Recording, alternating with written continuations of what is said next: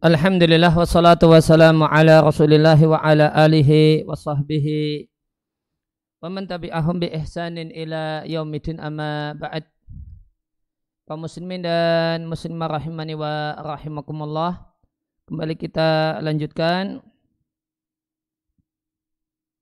membaca dan mentalaah fi ta'amuli baina zaujaini karya Syekh Mustafa Ibn Al-Adawi hafizallahu taala wa wafaqahu.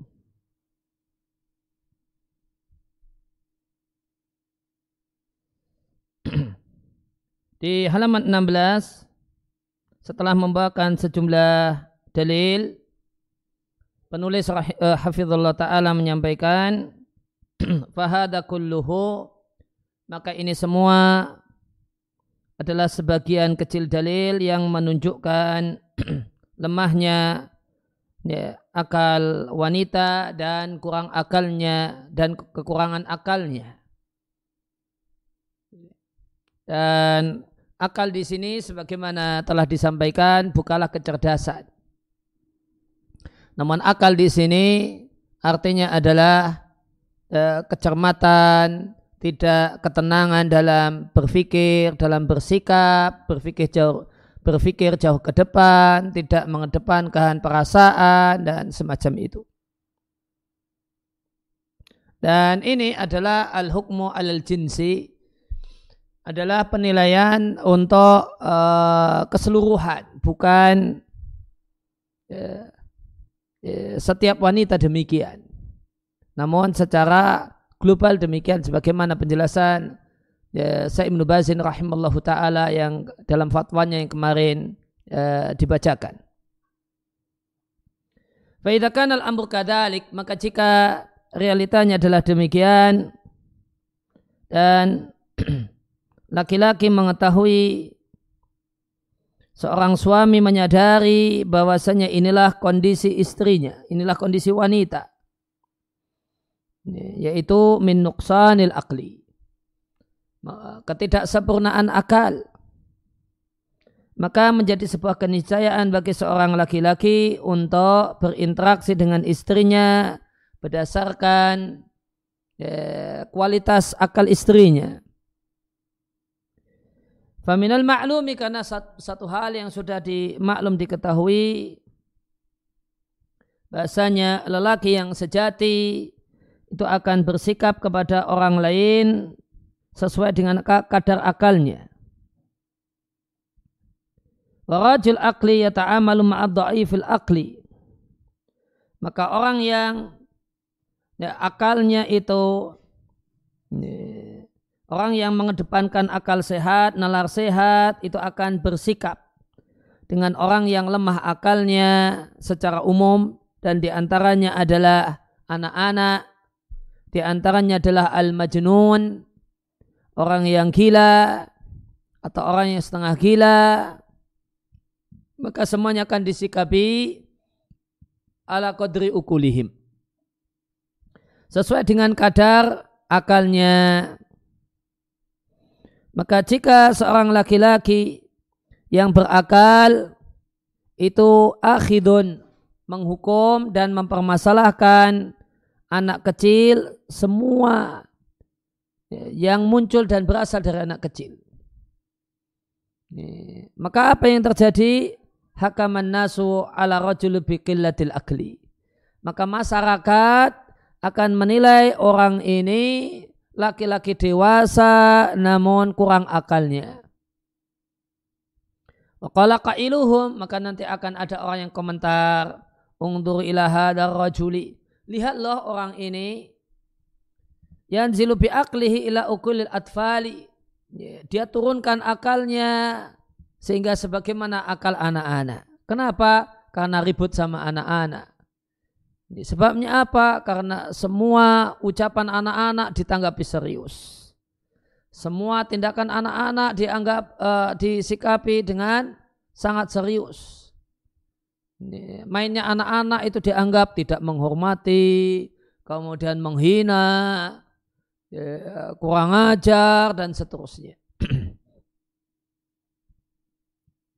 Padahal sikap yang benar seharusnya adalah sebagaimana ya, firman Allah Azza wa Jalla yang bercerita tentang sifat orang yang beriman. Wa idza maru bil larwi maru kirama. Dan jika mereka melewati hal yang main-main, hal yang sia-sia, dan di antara hal yang sia-sia, hal yang tidak bermanfaat, ya, menanggapi semua sikap dan tindakan anak kecil. Maru kirama, maka mereka lewat, mereka lewat saja sebagaimana lewatnya orang yang mulia. Demikian terhadap anak-anak.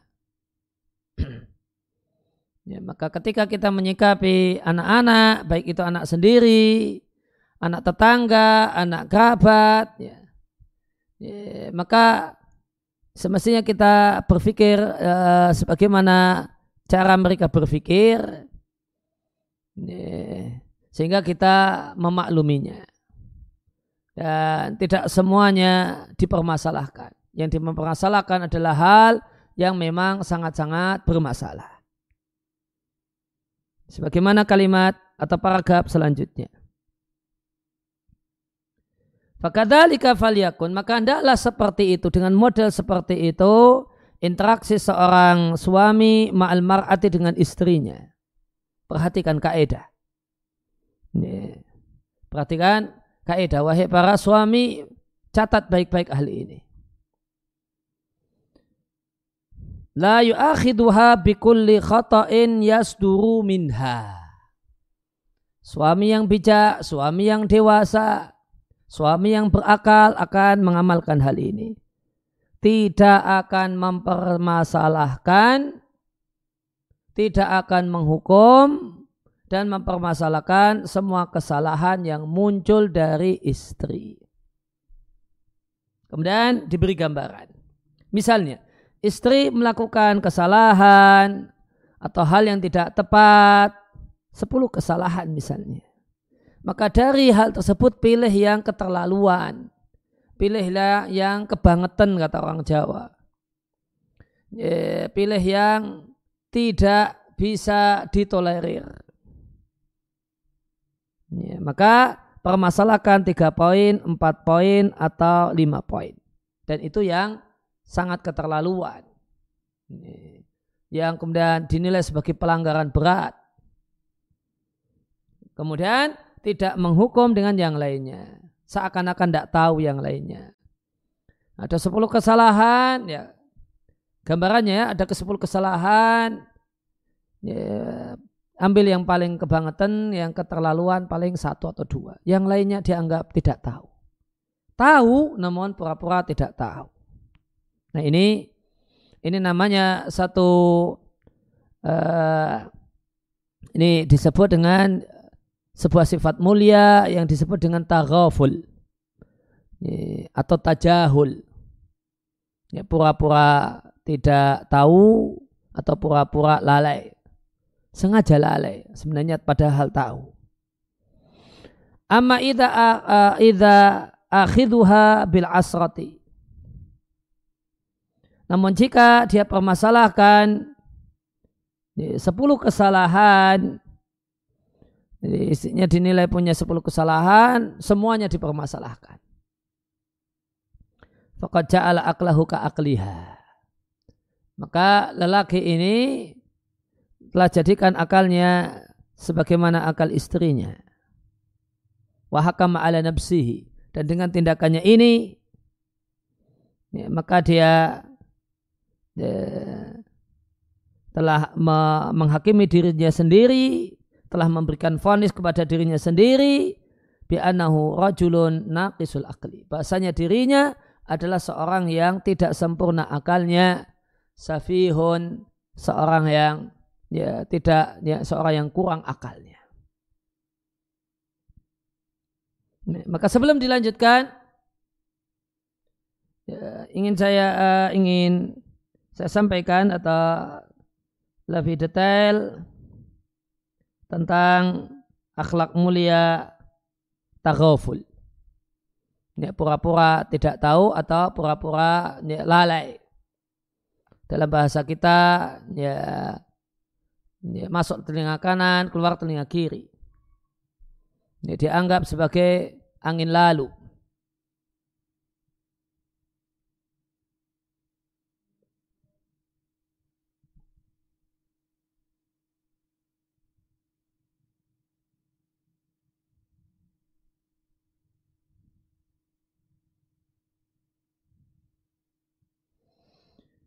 Ya kita akan bicarakan satu adab yang agung, adab mulia yang disebut dengan sebutan khulukul kiram. Akhlaknya ya, orang-orang besar. Akhlaknya orang-orang hebat. Dan siapa yang diberi akhlak ini, maka dia diberi jiwa yang tenang. Dia akan diberi dada yang bersih dari ganjalan dengan banyak orang. Dan dia akan hidup sebagai orang yang dicintai oleh lingkungannya. Itulah satu adab atau akhlak yang disebut dengan taghaful. Pura-pura tidak tahu. Padahal sebenarnya tahu. Bersengaja tidak tahu. Sebagaimana perkataan Sufyan Ats-Tsauri rahimallahu taala beliau mengatakan wa ma zalat taghafulu min fi'lil kirami. Pura-pura tidak tahu, pura-pura lalai itu senantiasa dari zaman ke zaman, dari generasi ke generasi adalah perbuatan dan sikap orang-orang yang mulia.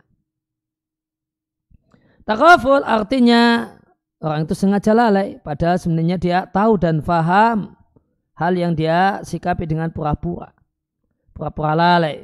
Kenapa ini dilakukan? Karena dia tinggikan dirinya, dia tidak merendahkan dirinya dengan melakukan hal-hal yang rendah. Maka orang yang memiliki sifat taghaful adalah orang yang sengaja lalai dari kesalahan dan kekurangan orang-orang di sekelilingnya. Padahal dia ngerti padahal dia tahu. Namun seakan-akan dia uh, namun dia uh, bersikap seakan-akan dia tidak tahu. Dan hal ini dilakukan li karami khuluqihi. Karena mulianya akhlak dia yang dia miliki. Sebagaimana perkataan indah Al Hasan Al Basri rahimallahu taala mastaqsa kari karimun kot. Manusia yang mulia tidaklah menuntut kesempurnaan. Sempurna hak saya diberikan 100%. Kurang dari 100% ada kurang 1% 2% dituntut habis-habisan. Nah, tidak demikian. Sifat karimun, manusia mulia. Manusia yang mulia itu banyak toleransinya. Besar toleransinya. Kemudian at-taghafulu sikap pura-pura tidak tahu adalah tanda kuat akhlak mulia seseorang. Sebagaimana kata Imam Ahmad rahimallahu taala. Tis'atu a'syari husnul khuluqi fit taghafuli. Sembilan per sepuluh akhlak mulia itu terletak di at-taghaful. Pura-pura tidak tahu. Dan satu hal yang patut disadari, bahasanya pura-pura tidak tahu, pura-pura tidak dengar padahal dengar, dari kesalahan orang dan sikap tidak nyaman orang lain, itu tidaklah menjadi bukti ya, kepolosannya bukan pula jadi bukti kedunguannya. Namun sikap pura-pura tidak tahu ini adalah derivat dari al-akal. Derivat dari dan bukti seorang itu mengedepankan akalnya daripada perasaannya. Wal hikmah. Taghaful itu hanya dimiliki oleh orang-orang yang bijak. Sebagaimana perkataan Muawiyah ibn Abi Sufyan radhiyallahu taala anhu. Al-aqlu mikyalun. Ya. Akal itu bisa ditakar pakai literan atau sejenis itu. Thuluthuhu al-fitnah. Sepertiga akal itu pada kecermatan. Teliti, cermat, menimbang banyak hal, melihat banyak sisi, Itu cuma sepertiga akal itu letaknya di situ. Lantas wa sulusahu at Dua pertiganya itu ada pada sifat mulia, pura-pura tidak tahu, pura-pura tidak dengar, pura-pura tidak lihat. Padahal dengar, padahal lihat, padahal tahu. Dan orang yang punya taghaful ini, inilah orang yang kayis, orang yang cerdas. Sebagaimana perkataan Imamuna al-Imam Syafi'i rahimallahu ta'ala. Al-kayisul aqilu huwal fatinul mutaghafil. Orang yang berakal, orang yang mengedepankan akal sehat, suami yang berakal, yang mengedepankan akal sehat, al-kayis yang cerdas adalah al-fatinu yang pertama cermat, namun di sisi yang lain untuk sebagian perkara dia cermat. Untuk satu hal yang nilainya maksiat dia teliti. Namun untuk hal-hal yang bersifat mubah maka dia al-mutaghafil pura-pura tidak tahu. Kalau berkenaan dengan hak Allah dan Rasulnya ya, dia ya, teliti sekali. Kalau itu berkenan dengan hak dirinya, ya, ya dia banyak bersikap ya, ya, memaklumi, memahami, seakan-akan tidak ngerti, seakan-akan uh, tidak lihat, seakan-akan tidak dengar. Maka ada dua hal yang patut dibedakan. Sengaja lalai, ah, ini terpuji, akhlak mulia, akhlaknya manusia-manusia istimewa. Kemudian yang kedua adalah roba, dungu. Nah ini tercela.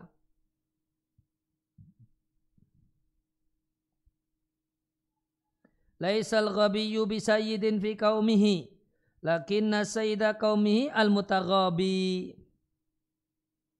Seorang penyair Arab mengatakan orang dungu tidak akan menjadi tokoh di tengah-tengah kaumnya. Akan tetapi Orang yang jadi tokoh di tengah-tengah masyarakatnya, di tengah-tengah komunitasnya adalah orang yang pura-pura dungu padahal tidak. Dan siapa yang menelusuri sejarah orang-orang besar, maka dia akan maka akan dijumpai bahasanya di antara sifat penting manusia-manusia besar adalah at Sebagaimana penuturan Ibnu Athir ketika membahas tentang sifat Salahuddin Al-Ayubi. Beliau katakan, wa kana saburan ala maikrahu. Dia adalah orang yang sangat sabar menghadapi hal-hal yang tidak disukai. Kathirat taghafuli an dunubi ashabihi. Dan dia ya, sering pura-pura tidak tahu dengan kesalahan bawahannya. Yasma'u min ahadihim ma yakrahu. Sebenarnya dia dengar suara komentar yang tidak dia sukai namun wala yu'limuhu bidzalik dia tidak sampaikan bahasanya kalau dia itu dengar wala yataghayyaru alaihi luar biasanya dan sikapnya sama sekali tidak berubah dengan orang yang berbicara yang buruk tentang dirinya maka maka at itu adalah akhlakul udhama akhlak mulia manusia-manusia besar, manusia-manusia hebat, di antaranya adalah suami yang hebat. Tidak semua cerewetnya istrinya itu di, ya, ditanggapi. Tidak semua chat istrinya yang bikin jengkel itu direspon. Ya, di, di red namun nggak dibalas. Ya anggap saja tidak tahu. Ya, anggap aja ya lah nanti sampai rumah ya tetap Ya, Assalamualaikum. Ayah pulang. Ya. Ya, tetap kemudian ya, manis dengan istrinya. Ya, gimana kabarnya dik? Sehat-sehat sambil kecup keningnya. Ya. Ya, setelah cuci tangan dan yang lainnya karena habis keluar dari rumah tentunya. Apalagi ini zaman corona. Ya.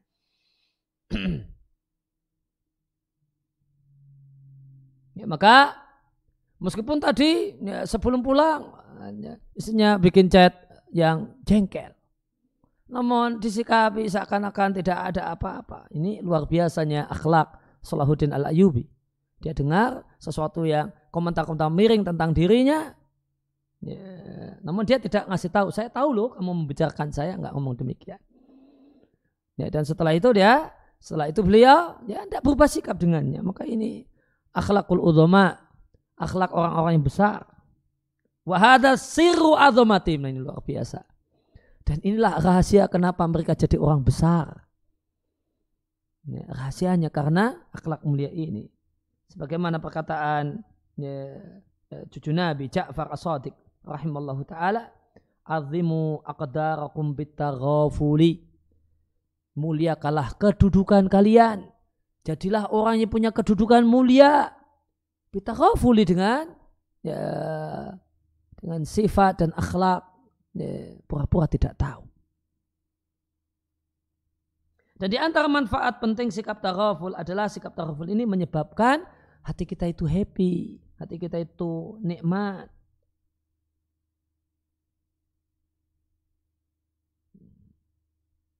Ya, kita itu tidak kemudian uh, hatinya selalu uh, mudah untuk panas, mudah untuk sedih, mudah untuk jengkel, mudah untuk marah. Itu di antara manfaatnya. Lihat di antara sifat taraful ya, yang dicontohkan oleh Nabi dalam hadis yang diatkan oleh Bukhari dari Abu Hurairah radhiallahu anhu. Ya, orang-orang musyrik. Ya, mencaci maki Nabi Shallallahu Alaihi Wasallam. Ya, dengan, dengan mengubah nama Nabi Muhammad menjadi mudammam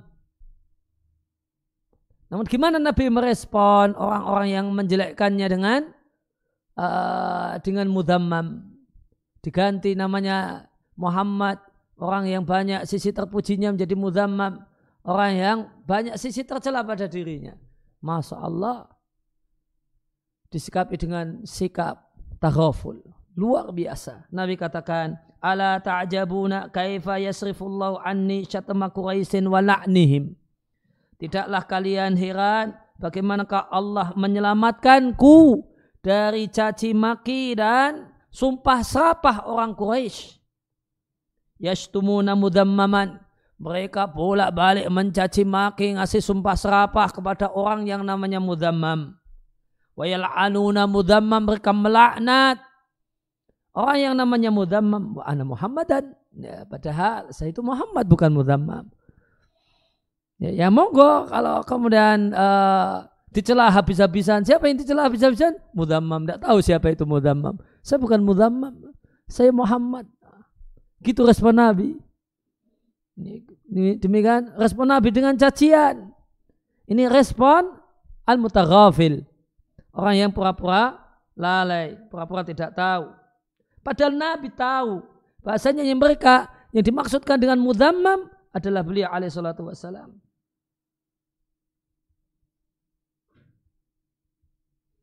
Ya, sebagaimana ucapan seorang penyair, walaqad amuru ala safihi yasubbuni famadaitu thummata kultu la ya'nini. Ya, sungguh aku melewati ketemu dengan seorang yang bodoh, dia mencaciku. Famadaitu aku tetap lanjut jalan. Thummata di, thummata di sana. Sambil komentar la yaknini yang dia maksudkan bukan aku.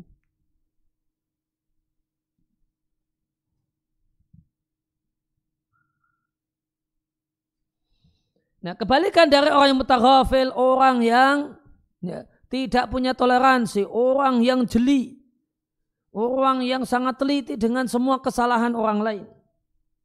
Adapun orang yang mempermasalahkan semua kalimat, menyanggah semua uh, kesalahan, mengevaluasi semua hal sampai yang kecil-kecil, maka ini adalah orang yang paling sengsara hidupnya. Ya, orang yang paling menderita hatinya. Sebagaimana kata Ali bin Abi Thalib radhiyallahu taala anhu, beliau sampaikan, "Malam yataghafal tanaghasat aisyatuhu Siapa yang tidak memiliki akhlak mulia, pura-pura lalai, ya, maka tidak akan pernah nyaman hidupnya. Kenapa? Karena tidak akan pernah nyaman hatinya. Di mana-mana kita jumpai orang yang tidak suka, orang yang uh, mengucapkan kalimat uh, miring, kalimat-kalimat uh, yang ya, komentar negatif kepada kita, ada orang yang mengecewakan. Ya, kita itu interaksi dengan manusia dan semua manusia mengecewakan. Istri mengecewakan, suami mengecewakan, anak mengecewakan, tetangga mengecewakan.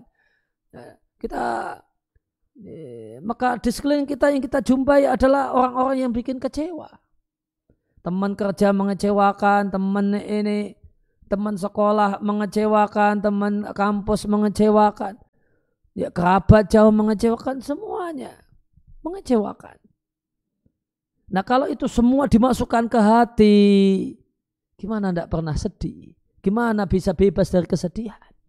Oleh karena itu orang yang tidak punya taraful, hidupnya selalu dalam kesusahan. Sebagaimana kata Ali bin Abi Thalib. Ya. Betapa banyak problem di masyarakat Sebabnya itu karena ya, membangun interaksi tidak dengan akhlak mulia taraful. Betapa banyak problem terjadi antara suami istri, antar kerabat, antar kawan, antar teman, ya, teman sekolah, teman kampus, teman kerja, teman main. Hal itu dikarenakan masing-masing menuntut hak sempurna dari hak sempurna dari kawannya. Masing-masing menuntut secara sikap, menuntut ideal. Dari dari temannya, dari kawannya. Ya, ndak ada, ndak ada toleransi, ndak ada uh, pemakluman, ndak ada kemudian dianggap uh, ditutupi, dianggap ndak ada, semuanya dianggap di dinilai sebagai ada dan semuanya satu hal yang harus dipermasalahkan. Nah, seandainya ya eh, kita ketika kita bangun interaksi itu dengan taraful ya, maka saya banyak problem itu hilang. Banyak problem rumah tangga hilang. Banyak problem antara atasan dan bawahan di tempat kerja yang hilang. Banyak problem antara satu tetangga dan yang lainnya hilang. Banyak problem antara satu kerabat dengan yang lainnya hilang. Jika asas interaksi adalah at-taraful. Sebagaimana kata Al-A'mash, at-taghafulu yutfi'u syarran kathira. Sikap taghaful itu memadamkan banyak kejelekan.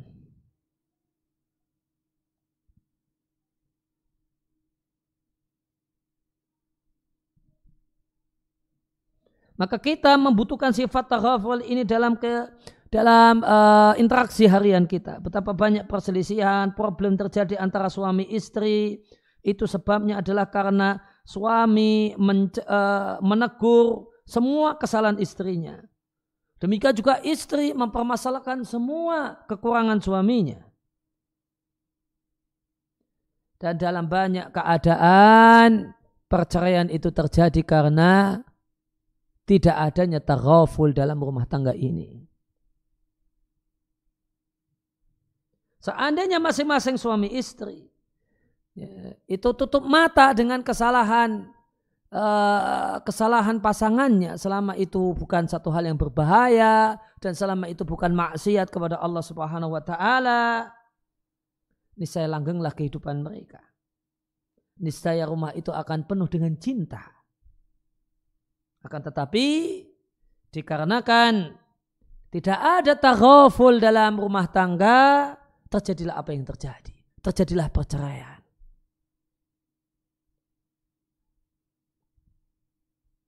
Dan di antara uh, sikap tepat, ya, di antara ya, sikap yang tepat untuk taraful, taraful itu diberikan kepada ya, ketidaknyamanan yang itu ya, kasuistik. Tidak disengaja dalam bahasa kita khilaf. Bukan uh, kesalahan dan kejelekan yang terus menerus dilakukan.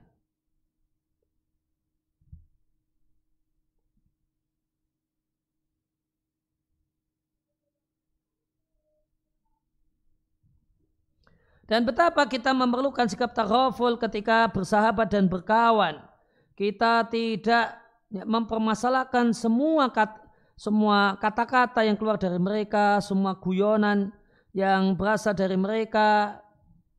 memper, tidak mempermasalahkan semua tindak tanduk dan sikap yang tidak nyaman dari mereka.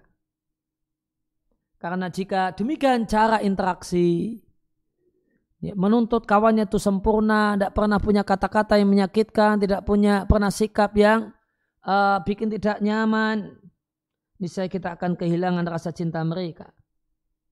Dan kita hilang rasa kehilangan rasa cinta kepada mereka dan akan hilanglah persaudaraan. Sebagaimana ungkapan Arab mengatakan, tanasa masawil ikhwan tastadim wudduhum. Ya, lupakanlah kesalahan kawan, akan langgenglah persahabatan di antara kalian berdua.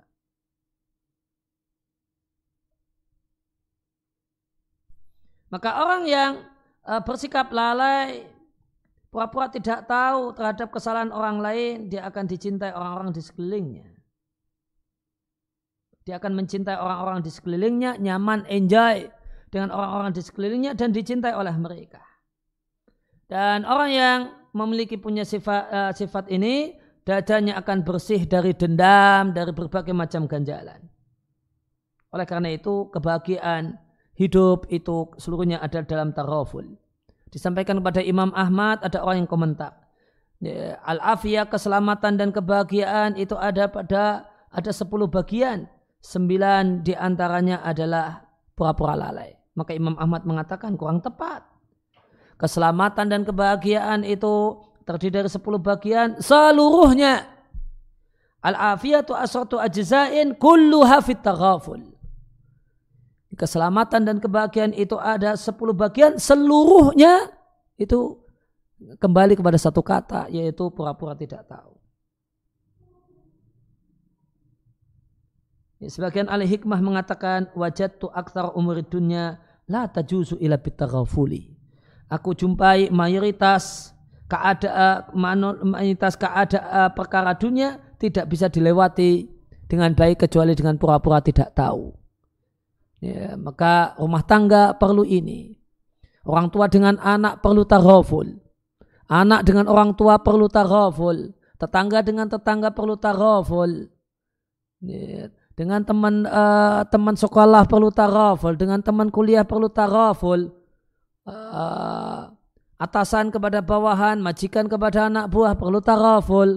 Anak buah supaya nyaman kerja di uh, di tempat kerja tersebut, maka dia perlu uh, ya, ya, perlu taraful dengan uh, dengan atasannya. Seorang itu akan bisa istiqomah belajar dengan seorang guru manakala dia taraful dengan kekurangan gurunya.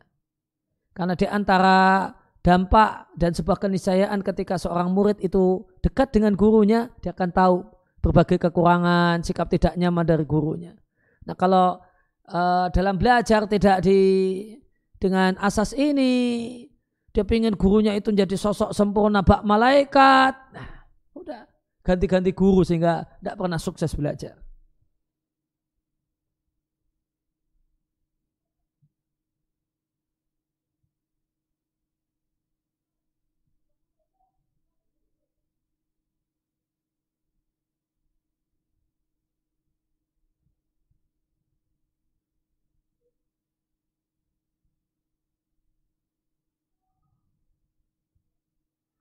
Nah, kemudian nama catatan penting berkenaan dengan taraful. Taraful itu tidak berarti meninggalkan nasihat. Tidak bermakna membiarkan pelanggaran syariat. Namun ini adalah satu permasalahan yang lain. Karena taraful itu letaknya pada hal-hal yang eh, hal-hal yang mubah. Ya, yang tidak boleh taraful itu maksiat, apalagi maksiatnya keterlaluan, kemudian hal-hal yang berbahaya. Kalau itu halnya halnya mubah, kemudian uh, tidak berbahaya, kurang lebih itu berkenaan dengan hak kita. Nah, ini tiga poin ini. Ya, berkenaan dengan tiga poin ini, maka di situlah akhlak mulia taraful. Ya, bukan pelanggaran syariat, uh, kemudian bukan hal yang berbahaya dan itu berkenaan dengan hak kita. Maka di situlah letak taraful. Tapi kalau itu melanggar syariat, Ya, maka boleh jadi sekarang dibiarkan, namun besok harus dicari timing yang tepat untuk ngasih masukan, untuk ngasih nasihat. Kalau itu satu hal yang berbahaya, ya bisa menyebabkan kematian, cacat fisik atau yang lainnya, maka jangan pura-pura tidak tahu bahaya ini bahaya. Ya, itu letak at dan ini asas untuk interaksi. Di antaranya interaksi rumah tangga. Ya, mau ingin rumah tangganya awet, ya, sampai jadi kaki kiki uh, kaki dan nini gitu. Maka ya, bangun interaksi itu dengan taghaful. Ya, kalau selama itu bukan maksiat selama itu hal yang tidak berbahaya selama itu uh, cuma berkenaan dengan hak kita kalau bisa uh, dianggap baik-baik saja baik-baik saja. Ya sikapi demikian. Maka rumah tangga akan awet. Ya, ya kalau kemudian sekedar misalnya ya, istri kita kemudian kalau kalau ya, naruh kunci ya, itu tidak mau pada tempatnya. Naruh tas ya pokoknya masuk rumah duduk di mana ya tasnya di situ. Ya, mau kemudian naruh ya, kerudung ah, duduk di mana? Habis keluar rumah taruh di situ. Ya maka ya dibuat nyaman saja. Ini bukan maksiat. Ya meskipun kadang diingatkan. Namun jangan sering-sering. Karena kaidah menegur itu jangan sering-sering. Kalau orang tuh negur kok sering-sering, akhirnya orangnya akan merasa saya itu salah semua. Ya, maka akhirnya ya, hilanglah rasa cinta. Ya, hilanglah rasa cinta. Rasa cinta itu hilang karena semuanya serba disalahkan. Ya, tidak ada taroful, tidak ada pura-pura tidak tahu. Ya, demikian yang kita kaji kesempatan kali ini wasallallahu ala nabiyina Muhammadin wa ala alihi wasallam wa da'wana alhamdulillahi rabbil alamin Baik kami akan membacakan pertanyaan yang telah masuk. Yang pertama Assalamualaikum Ustaz Waalaikumsalam warahmatullahi Afwan izin bertanya Ustadz, bagaimana menyikapi istri yang subhanallah keras kepala, dikoreksi malah ngambek, dan seakan-akan ia menjadi pemimpin di rumah tangga. Gampang sekali untuk memarahi suaminya. Jika nggak sesuai, tidak sesuai aturan e, istri, suaminya dimarahin. Bagaimana ya Ustadz menyikapi hal seperti ini? Jazakallahu khairan. Ya inilah uh, hal uh, yang membuktikan bahasanya ketika telah berjalan rumah tangga uh, ternyata uh, cantik itu bukanlah segalanya ada yang lebih ya, yang lebih penting yaitu adab dan akhlak ya, ya, dan sadar diri bisa menempatkan diri dengan tepat maksudnya dia adalah istri dia adalah ya, makmum punya imam ya. Maka ya, tentu ya, kadang imam itu salah. Nah itu ditegur. Namun bukan berarti kemudian malah uh, kemudian imamnya jadi makmum kemudian mengikuti semua permintaan makmumnya. Maka perlu didudukkan perlu dikomunikasikan. Itu kata pentingnya ini yang jadi pola rumah tangga kita itu apa kemudian istri jadi pemimpin yang ngatur atau saya yang ngatur dibuat dulu deal-deal kesepakatan ulangi dari nol gitu ya Ya, ulang dari nol. Setelah itu buat kemudian kesepakatan dan suamilah yang jadi penentu. Ketika suami nggak melanggar kesep, uh, pak role yang telah ada, role yang telah dibuat, ya, saya nggak melanggar. Kemudian istri melanggar, tegurlah baik-baik. Ya, ada satu waktu di mana suami itu ya, ngalah, cerewetnya istri didengarkan, namun ada ya, waktu yang lain unjuk gigi. Saya ini suami. Saya ini suamimu. Ini kemudian katakan ini yang jadi kepala rumah tangga ini yang kepala rumah tangga yang punya hak ke, punya memutuskan masalah semacam ini suami ataukah istri? Ya, itu eh, itu di waktu-waktu tertentu. Namun di uh, di waktu-waktu yang memang krusial gitu halnya berkenaan dengan maksiat atau berbahaya hak Allah dan Rasulnya gitu. Ya, kalau enggak ya ya, kalau hal-hal yang lainnya ya sikapi dengan longgar, hati yang lapang. Nah, baik Ustadz, berikutnya ahsanallahu ilaikum ya Ustadz. Waalaikum. Eh, Afwan izin bertanya Ustadz, jika istri sedang menginap di luar misal di rumah orang tuanya, apakah istri tetap wajib izin eh, kepada suami jika ingin keluar rumah karena ada keperluan? Ya, eh, semestinya demikian. Ya, minimal di awal nanti kalau ada eh, perlu-perlu uh, pas di mertua saya minta izin untuk keluar. Gitu. Nah. Baik Ustadz, pertanyaan yang terakhir. Assalamualaikum Ustadz. Waalaikumsalam warahmatullahi Izin bertanya Ustadz, bagaimana seorang istri menyikapi rasa cemburunya terhadap suaminya yang bekerja masih bercampur baur dengan perempuan ya Ustadz? Eh, mohon sarannya Ustadz. Nah inilah uh, risiko kalau me, istri sudah kemudian kencang dalam masalah ini, kemudian menerima lamaran Eh, laki-laki yang kondisi kerjanya demikian. Ya, maka itu tentu kan sudah diketahui sejak awal.